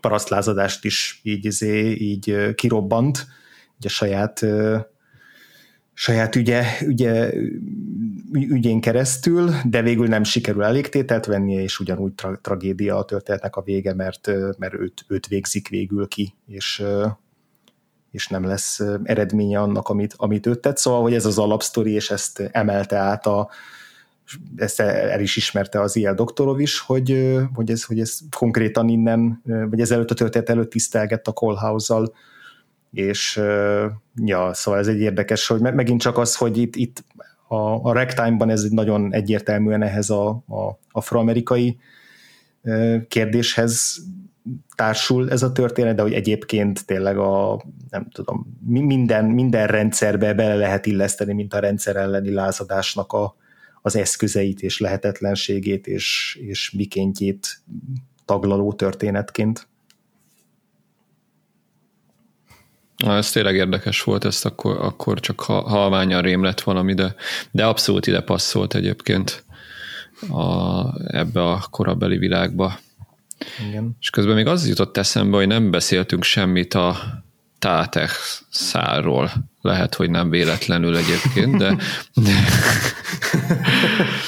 mert ő ugye van, van egy ilyen Igen. szál is a történetben, ami hát így tulajdonképpen hát nem is tudom, tehát benne, benne van a könyvben, ez így érthető, de ugye van ez a utcai művész, aki bele, tehát összekeveredik egy kicsit az Evelyn Nesbittel, mert éppen egy ilyen, nem tudom, ilyen kartonlapból kivágott portrét akar be, tőle, belőle, vagy uh-huh. ö, róla csinálni, és közben meg itt kiderül, hogy a felesége éppen megcsalja, és akkor kidobja a feleségét, meg stb. Tehát van egy ilyen mini sztori, aztán, aztán utána még egyszer megjelenik, mert neki van ez az ilyen lapozgatós elő, tehát ilyen film korszak előtti ilyen pörgetős könyvben, ilyen mozgó valamik történnek, és uh-huh. ugye ezt így éppen utána elad egy ilyet, aztán nem is tudom, hogy utána tényleg már csak a végén látjuk, amikor már Néma filmet rendez.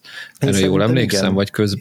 Ugye? Én Akkor is, nekem is. is igen, ami, ami, hát én nem tudom, hogy egyébként én ugye olvastam a könyvet, abból értem, mert te, tehát van egy csomó ilyen kis sztori, amik így tök jó egységet alkotnak, de hogy ez így nekem a Evelyn Nesbit, meg a, a Colehouse Walker és a, a név nélküli család sztoriához képest egy ilyen nem teljesen egyértelmű, hogy miért uh-huh. is van benne, mert oké, okay, hogy összekapcsolódik, mert most éppen az Evelyn Nesbit játszik a filmjében, meg ugye ő a családból a, a feleséggel, igen. aztán így össze jön, mint így a leg, legvégén, de hogy ezek nem egy hangsúlyos nem. történetek, tehát hogy egy kicsit nekem így, így a filmből magából kilóg maga, maga ez, a, ez a kis miniszál. Ja, nagyon, Persze nem nagyon. baj, hogy benne van, csak, csak nem biztos, hogy így, így nagyon megáll a lábán. Igen. Én, én is nála érzem talán legjobban azt, hogy, hogy itt mintha még egy egy órányi film hiányozna ahhoz, hogy az ő története kerek legyen, vagy hogy egyáltalán így legitim, mert úgy egy fél szemmel így látom, hogy ő, ő is egy, olyas valaki, aki a semmiből küzdi fel magát, és akkor az egy olyan újabb út, amit így érdekes lehet bemutatni itt a század előben, mondjuk kontrasztban az eleve vagyonosokkal, akik eleve beleszületnek a, a, a pénzbe, de hogy ez meg abszolút nem, nem tudom, nem egy kiemelt téma a filmen belül, vagy hát nem lehet így, hogy van kb. három jelenete, vagy három-négy jelenete. Vajon miért nem vágták ki az egészet? Szerintetek a filmből hm. mekkora jelentősége van ennek a cselekményre nézve? Az ő sztori szállának így a, nem tudom, a narratívát tekintve, vagy a, a, a mondani valókat tekintve? Hát, őszintén szóval nem tudom, mert hogy a, a film végén, hogyha az Evelint látjuk színészként, akkor igazából teljesen irreleváns, hogy ki tehát lehetne egy random akár kicsoda, nem kéne oda egy nekünk már ismerő szereplő, akkor a Mary Steenburgen csak úgy elhagyhatná a férjét, oda se kéne feltétlenül valaki, aki, aki elcsábítja, tehát Ja, és a könyvben ráadásul nem is e, így történik, hanem a Na. férje meghal, azt hiszem, hogy a Lusitania hajón van, amikor az elsüllyed, és utána jön össze csak vele, tehát hogy itt mm. még ez, ami most igazából így apróság meg lényegtelen, csak hogy nem is tudom, hogy erre mi volt a, a szükség. Én egyébként csak arra tudok gondolni, hogy ugye azért valahol mégiscsak benne volt itt a, a Milos Formanékbe, hogy azért a, tehát hogy Rektály mégis egy ilyen kollázs jellegű tablót akart adni a korról, és, és itt ez, ez egy kicsit ilyen nem tudom, utcai művész, ugye az ilyen ka- semmiből jött karrierek bemutatása, vagy akár a film, tehát hogy maga a néma film korszaknak a kezdetét próbálták így belecsempészni, de erre tudok gondolni, hogy egy kicsit ilyen a, tágították a kor, kor lenyomatot, de mhm. valójában a film szempontjából tényleg nem volt rá szükség, szerintem sem. Még lehet, hogy lehet, hogy nekem például azért zavaró ennek a szálnak az ilyen mellékesként kezelése, mert hogy a Mandy Patinkin játsza ezt a, ezt a szerepet, és akkor most megnézem, hogy Mandy Patinkin igazából még így sehol nem volt ekkor így film, filmszínészként, tehát hogy 80-as években ott, ott volt később a Jentl, meg a Herceg mennyasszonya, tehát hogy ő, ő ezután lett híresebb színész, és lehet, hogy nem tudom, színpadon már lehet, hogy ismertebb volt ekkor, azt, azt nem tudom, de, de hogy lehet, hogy azért, azért zavaró, mert hogy így hát Mandy Petinként egy ilyen szerepre elpazarolni az olyan fura, és hogy egyébként meg akár lehetne csak egy tényleg egy ilyen kis apró színfolt, akit így felvillantanak az elején, meg a végén. Szerintem nagyon ilyen egyébként a, a Thaw, aki, aki a, ugye a gyilkos, hogy ő, őt, őt csak azért hozzák be a film végén egy pillanatra, szerintem, hogy legyen egy ilyen kontraszt, hogy, hogy, két ilyen erőszakos figurája van a filmnek, a House Walker meg a Thaw, és hogy mennyire máshogy kezeli őket, a, vagy a, a bűnüket mennyire máshogy bünteti meg a társadalom, hogy az egyiket agyonlövik, mikor felmelt kézzel kijön, a másik meg így egy ilyen rövidebb elmegy úgy intézeti, nem tudom, kirándulás után így pesgőzve hazamegy, vagy elmegy, és igazából nem nincs semmi következmény annak, hogy egy rakás ember előtte agyonlőtt egy gazdag fehér embert Ja, abszolút, ez, ez tényleg egy durva, meg, meg, meg így valószínűleg, hogy tényleg ezért lett benne, mert ez egy jó, jó kontraszt volt ide, hogy azért lássuk, hogy hogy, hogy bánt a kora különböző bőrszínnel. Igen.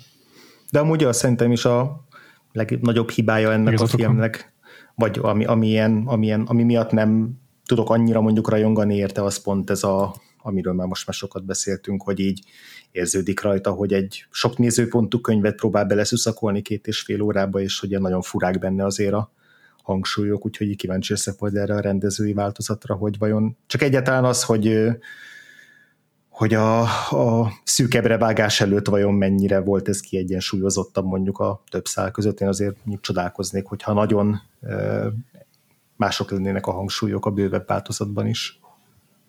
Hát igen, mert ez azért valahol koncepciónak látszott, nem hiszem, hogy előrántanak egy négy órás bővített verziót, amiben ö, teljes szálak ö, kapnak nagyobb hangsúlyt, vagy egyébként igen. előkerülnének, azért annak lett volna híre valószínűleg.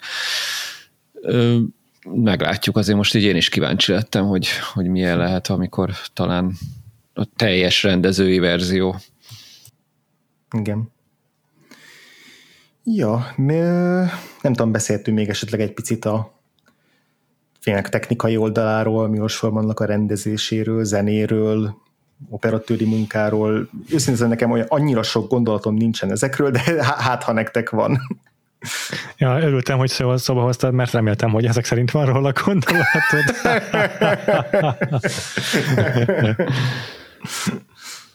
Igen, mert megérdemelné Forman azért, hogy egy picit, picit kiemeljük. Uh, igazából szerintem tök szépen van fényképezve a film, tehát így a, mondjuk a Reds, Igen. amit emlegettél, hogy egy korszakban készült, egy korban, egy időben készült ezzel a filmmel. Uh, az, az, arról beszéltünk, hogy én legalábbis mennyire óriási operatőri bravúrnak tartom a, uh-huh. a mhm. vörösöket, de szerintem ez a film se, uh, hogy mondjam, tudjátok, ez a film se szégyenkezhet amellett. Gyönyörűek tényleg a, főleg a, a kontrasztok a sötét szobákban felvett képekben. Tehát így a, jó, jó, jó van a bevilágítva az arcok, a, az emberek. Tényleg nagyon szép a fényárnyáték ezekben a, az ilyen belső helyiségekben felvett képekben. Teljesen jó, kimódolt, szép film. A Valmont, Valmonthoz lehet tenni, hmm. Valmont mellé lehet simán tenni. Ugyanakkor viszont tök fontos, hogy a Valmont egy sokkal mm, élénkebb, világosabb, pasztellesebb film, Mm. És nagyon jól érzi szerintem a Forman, hogy ebben a filmben valahogy így a konfliktusok azok földhez ragadtabbak. Van meg mm, egy ilyen kicsit elemeltebb dolog, és hogy ehhez kell is egy ilyen erősebb kontraszt egy ilyen földközelibb színvilág talán. Látszik, hogy tehát ez az, az a típusú film, ahol így, ahol így ott van a vászon az a sok pénz, amit rászántak. Tehát, hogy jó, hogy ma, mai, mai izé, számok mellett már az a 28 milliós, milliós költségvetés az már így lófink, tehát az, az, az tényleg az így semmi, az még nem is hát azért 81-ben. De akkor azért igen, az, igen. igen. Igen. Tehát most direkt megnéztem, hogy a Vörösöknek, ami három órás film lett a végeredmény, annak is 30 millió volt a költségvetése, tehát ezekre a nagyszabású, sok szereplős, nagy tömegeket mozgató, sok helyszínes, díszletes filmekre azért rengeteg pénzt rászántak a kor mércéjével, és ez szerintem tökre meglátszik. Tehát emlékszem, van az a jelenet, amikor a, amikor a meg nem nevezett szereplőből álló család, tehát a, a Mary Steenburgenék családja kimegy a, nem, nem tudom, gondolom, izé a nem tudom melyik beachre, ott a tengerpartra, és akkor van egy ilyen, egy ilyen darus felvétel, ami megmutatja, hogy ott a stég mellett egy rengeteg ember, mindenki ugye korhű kosztümökben, korhű díszletek között, ott, izé, ott, ott van a, a, a parton, és akkor az egy ilyen nagyon látványos, na nézzétek, hogy mennyi statinsztánk van meg, meg be tudjuk népesíteni ezt a, ezt a teljes partszakaszt, és nem kell így rejtegetnünk a, nem tudom, egyik kis kam- kameraszögöt, hogy, hogy ne látszol, csak nem tíz ember a statiszta, szóval, hogy ja, így az, nem tudom, a, az epikusságot azt, azt teljesíti abszolút a film. Érdekes egyébként, mennyit mondtál? 28 millió? Aha. Hogy eszembe jutott, hogy a, ez egy évvel korábbi a birodalom visszavág, az meg 18 millióból készült, és azt a mindenségét. Így ebben tulajdonképpen nem volt semmi különös, csak szép volt, meg, meg Óriási sok szereplő volt, igen, tehát a díszletek az, az igen, tehát az, az abszolút. Igen. Igen, de az valóban igaz, hogy nem, nem, nem a speciális effektusok Hát ugyanebben az évben ugye az év legnépszerűbb filmje, vagy legtöbbet hozó filmje volt az Elveszett Frigyláda fosztogatói, az 20 millió, tehát az kevesebb Aha. pénzből került, Örület, vagy kevesebb örület. pénzből készült, akkor a, ugye a Superman második része az már 50 millió, de ott az első két részt az így félig meddig egy, egyszerre forgatták, szóval hogy ez abszolút a, uh-huh. a korabeli blockbusterek egyikének számított a, Durva, durva. Ragtime, csak hát mondjuk az a különbség, hogy a, az elveszett Fridlája fosztogatói az így a 20 milliós költségvetésből hozott több százmilliót, jó, nyilván az évek során, nem 81-ben, de, de akkor is ez hatalmas siker, ez meg 21 milliónál megállt a box office szóval, hogy ez egy ezért eléggé, hm. hát gyakorlatilag bukás, bukás volt a, a ragtime. Aha, aha. Hát valahol egyébként azért azt mondom, hogy érthető azért ez egy szerintem azért rétegfilm, vagy nem tudom, egy drága művészfilm, mm-hmm. tehát nem az a klasszik kassza sikervárományos, tehát ezt nem tudom, hogy mennyire látták, nem, vagy gondolták előre, de nem feltétlenül közönségcsalogató, se a téma, se a megvalósítás, se a, a egész, amiről szólt. Igen, hát itt 80-as évek elején már azért más jellegű már, már ekkor más ja. jellegű filmekre kezdenek özönleni az emberek a, a, a moziba. Igen, ez, David Lean egy... féle történelmi eposzok már a múlté. Igen, igen. És ez, ez mondjuk érdekes, mert hogy ja, volt a 60-as években volt nagy divat ez az ilyen szandálos eposzok, mint a Kleopátra, meg nem tudom, az ilyen nagy történelmi tablók, azok akkor voltak nagyon divatba, aztán jött a hollywoodi új hullám, ami pont ezt söpörte el, de a hollywoodi új hullám végére az is így feldagadt, mondjuk ezen apokalipszis most jellegű filmekkel, hogy már ott is így az egész izé, galaxis próbálták a filmbászóra álmodni ezek a megalomán rendezők, és akkor ez a 80-as évek ellen meg pont ez az időszak, hogy akkor ennek a megalomániának a, az egyik oldala az, az így halára lett ítélve ezekkel a nagyszabású filmekkel, és maradtak a közönségcsalogató zsánerfilmek inkább. Szóval csak hogy érdekes, hogy, a, hogy, hogy ja. volt, itt pár, volt itt pár év Hollywoodban, akkor megint, amikor megint, mint hogy a divatba jöttek volna ezek a nagyszabású történelmi tablók, ez szerintem tényleg csak egy pár év lehetett. Uh-huh. Ez érdekes, igen. Hát, hogy benne volt egy ilyen Hát vannak az, azért ilyenek szerintem, hogy a stúdiók így észrevesznek valamit, hogy az Oscarnak ez a téma bejön, és akkor hirtelen neki ráugrasztja a saját producereit, és akkor gyártatnak egy ilyen. Lehet, hogy ez a film ez úgy készült, hogy a Redzel ellen akart, a Redzel ellen akarták indítani mondjuk, vagy nem tudom. Mm. Azt még láttam mm. egyébként, hogy Altman, Robert Altman lett volna eredetileg a rendezője. Tényleg? És a nézések közben, wow. aha, az első felvonásnál így rögtön gondolkodtam is, hogy basszeg, totál altmanos ez a film, van benne 20 millió karakter, egy csomó történetszál. Igen. Teljesen el tudtam volna képzelni ezt Altman rendezésében. Igen, szerintem az ő változat az közelebb lett volna a, a könyvhöz, vagy ahhoz, amit, amit a, a Boton mondott a, a jobban így kibalanszírozott nézőpontokkal. ja. Nekem még egy, nagy, egy fontos kérdésem lenne, ha nem bánjatok. Mondd csak. Botond, te e, szerző vagy, te abból fizeted be a csekkeidet, hogy könyveket írsz. Nem. Hogy, abból nem. abból nem. nem ab, azt, azt a dolbár napi főállásomból fizetem be. Oké. Okay. Akkor minden esetre több tapasztalatod van ebben professzionális szerzőnek számít, ez így is úgy is, mint nekem, úgyhogy arról azért megkérdeznének, hogy így ma, ha mondjuk így be, bevennél egy, egy kiadóhoz azzal az ötlettel, hogy akkor itt van egy könyv, amivel négy történetszál van, 15 éven keresztül játszódik, és erről és erről és erről és erről a társadalmi problémáról szól. Tehát ez hogyan, hogyan fogadná ezt vajon mai kiadó? Egyáltalán egy ilyen, egy ilyen társadalmi tablót, vagy történelmi tablót felépítő regényt, ezt így hogy lehet úgy megírni, hogy ne hújjon darabok? Tehát ez a, én arra vagyok itt kíváncsi igazából, hogy I.L. doktorovnak a regénye, az egy ilyen száz évben egyszer létrejövő csoda, vagy hogy az Istenbe ö, ül neki vajon egy ilyen, egy, egy, egy szerző egy ilyen, egy ilyen óriási nagy regénynek? Az a fura egyébként, hogy egyébként a, a nagy regényről jutott eszembe, hogy maga a regény egyébként nem nagy, mert ilyen 270 oldal kb.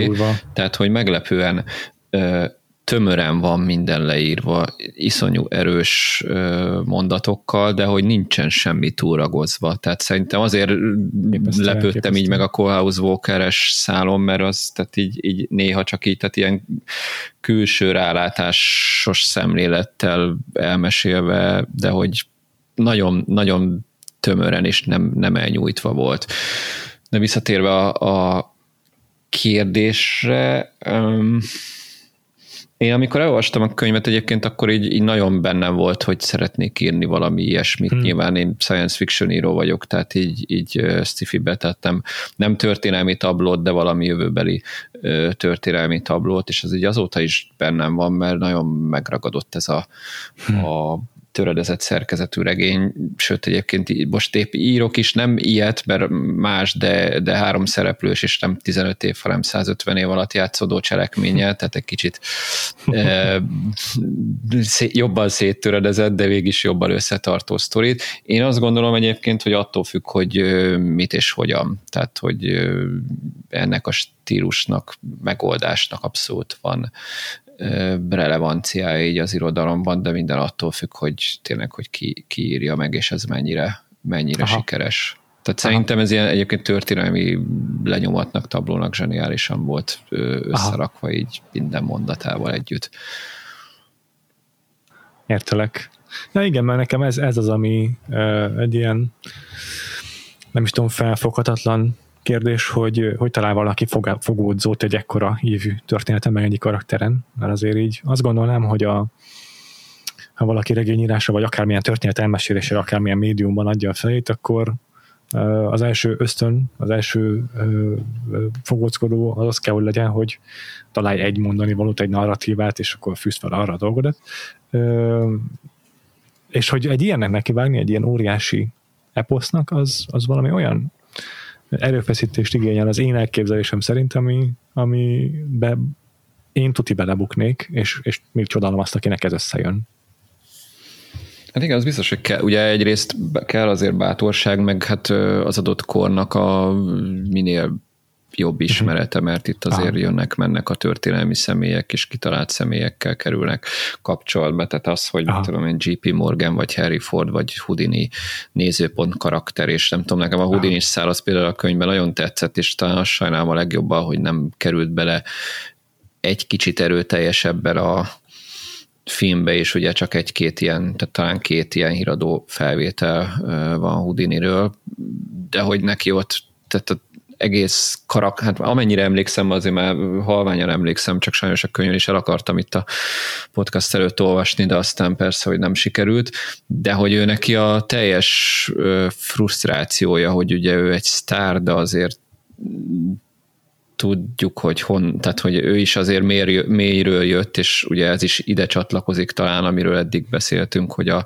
a kisember, amikor így fel, feltörés ismerté vál, válik, tehát hogy, hogy ez benne is benne van, és nagyon érdekes volt az ilyen belső bívódásait is, is így ö, olvasni.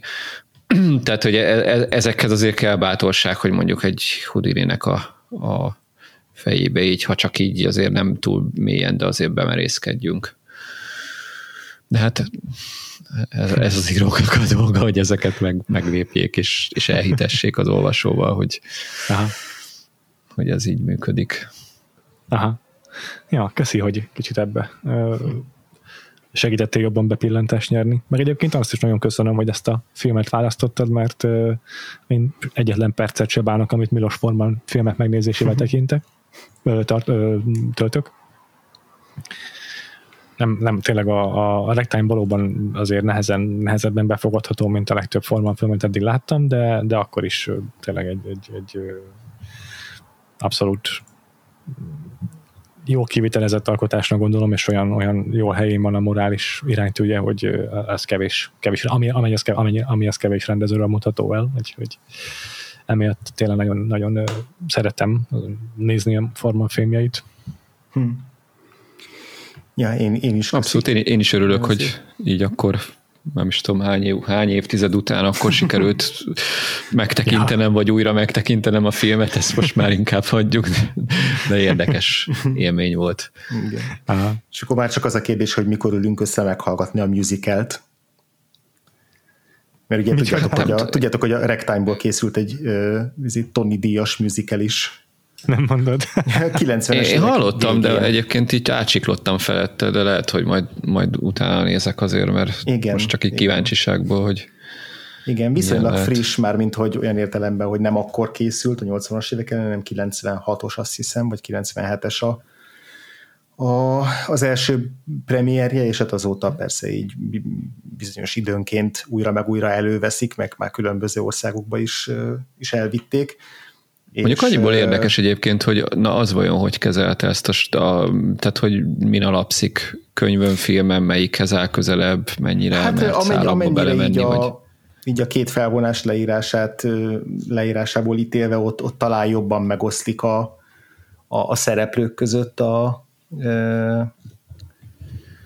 a, a történet, de de igen, igen abban szerepel JP Morgan, Henry Ford, Emma Goldman, Harry Houdini, tehát benne vannak ezek a, ezek a figurák is, de azért amennyire látom, ott is inkább a, a család, meg a, meg a Colhouse-ék állnak a, a középpontban.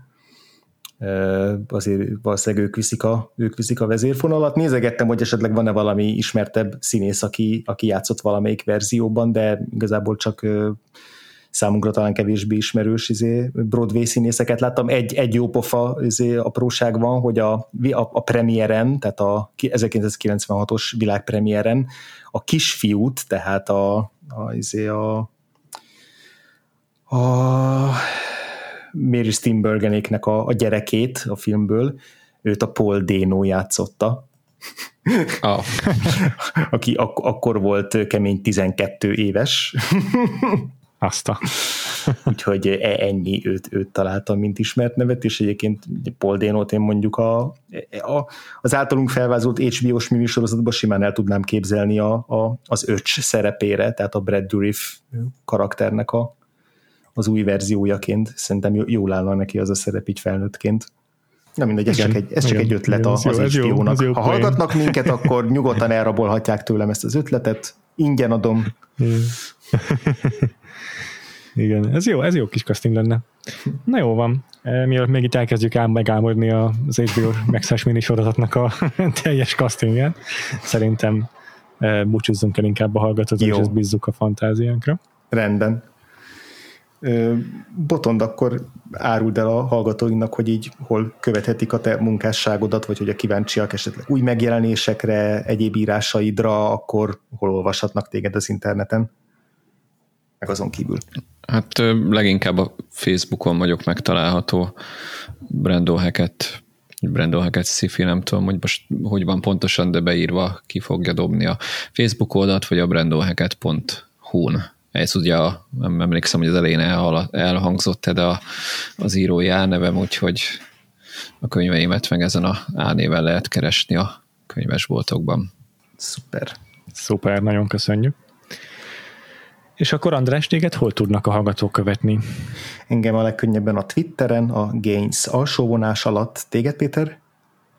Engem is a Twitteren a Freevo név alatt, kettő elvel, mind a ketten fel vagyunk Letterboxdon is, ahol a filmjeinket szoktuk naplózni. Ezen kívül a Vagfolt podcastot pedig, ha még nem iratkoztatok volna fel ránk, akkor kövessétek a kedvenc podcast lejátszótokban, Google-on, Apple-on vagy a YouTube-on is akár. Ne felejtsetek el benyomni ott a kis csengettyűt is, hogy értesüljetek az új adásokról, és csatlakozzatok a Facebookon a társalgóhoz, ahol a kis hallgatói közösségünk épül, gyarapszik. Facebookon a Vagfolt Podcast társalgót írjatok be a keresőbe, és akkor csatlakozzatok lehet bennünket követni is a Facebookon, meg a Twitteren is, szintén Vagfolt Podcast név alatt, és hogyha többre vagytok kíváncsiak mi tőlünk, akkor van Patreonunk is, a patreon.com per Vagfolt Podcast. Itt további heti egy-egy adással gazdagodhatok, hogyha csatlakoztok a támogatói közösségünkhöz. Még egyszer tehát patreon.com per Vagfolt Podcast. Várunk ott is szeretettel benneteket, és akkor jövő héten visszatér hozzánk Botond, és most ide elárulunk, hogy akkor mi lesz az a film, amit kedvencednek választottál. Otthon, de elmondod? El, igen, ugye itt a vége fele már beszéltünk egy kicsit a, az ilyen kosztümös, és tudom, ilyen nagyszabású történelmi tablószerűségeknek a reneszánszáról, és ugye hát a 90-es években indult egy ilyen szerintem felfutása a, a szintén az ilyen történelmi kalandfilmeknek, és ezek közül választottam az egyiket, ami már egy későbbi, ez talán 2000, nem is tudom, kettes vagy hármas, az utolsó szamuráj. Nagyon várom már ezt az adást is. Én is, én is. Tom én Cruise is. extravaganza, uh-huh. fehér mhm. megmentők. Watanabe Ken. Igen. Sanada Hiroyuki, azt hiszem szintén felbukkan. Nagyon az izgalmas. Igen. Nagyon jó lesz, igen, igen. Úgyhogy akkor az utolsó szamurájjal uh, várunk vissza titeket, hallgatókat is jövő héten, meg Botondot is. Addig is uh-huh. sziasztok! Sziasztok! Sziasztok!